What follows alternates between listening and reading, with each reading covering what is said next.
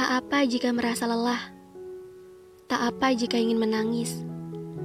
Tak apa jika tak ada seseorang di sisimu. Walau kadang kita memang membutuhkan, butuh seseorang yang benar-benar ada di samping kita. Tapi ingat, jangan menyerah, jangan berhenti. Buktikan bahwa kamu mampu. Kita tidak dilahirkan menjadi siapa tapi kita mampu membuat diri kita menjadi siapa. Terkadang orang membandingkan satu dengan yang lain. Hidup ini memang dekat dengan membandingkan dan dibandingkan.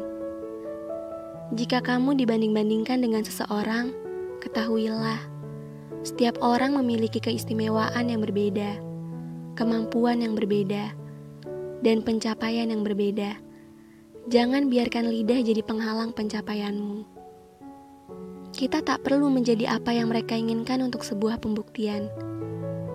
Kita hanya perlu berusaha untuk apa yang ingin kita capai, apa yang menjadi kebahagiaan kita, dan melakukan hal-hal positif untuk orang lain. Itu adalah pencapaian yang lebih baik dari yang selalu mereka bandingkan.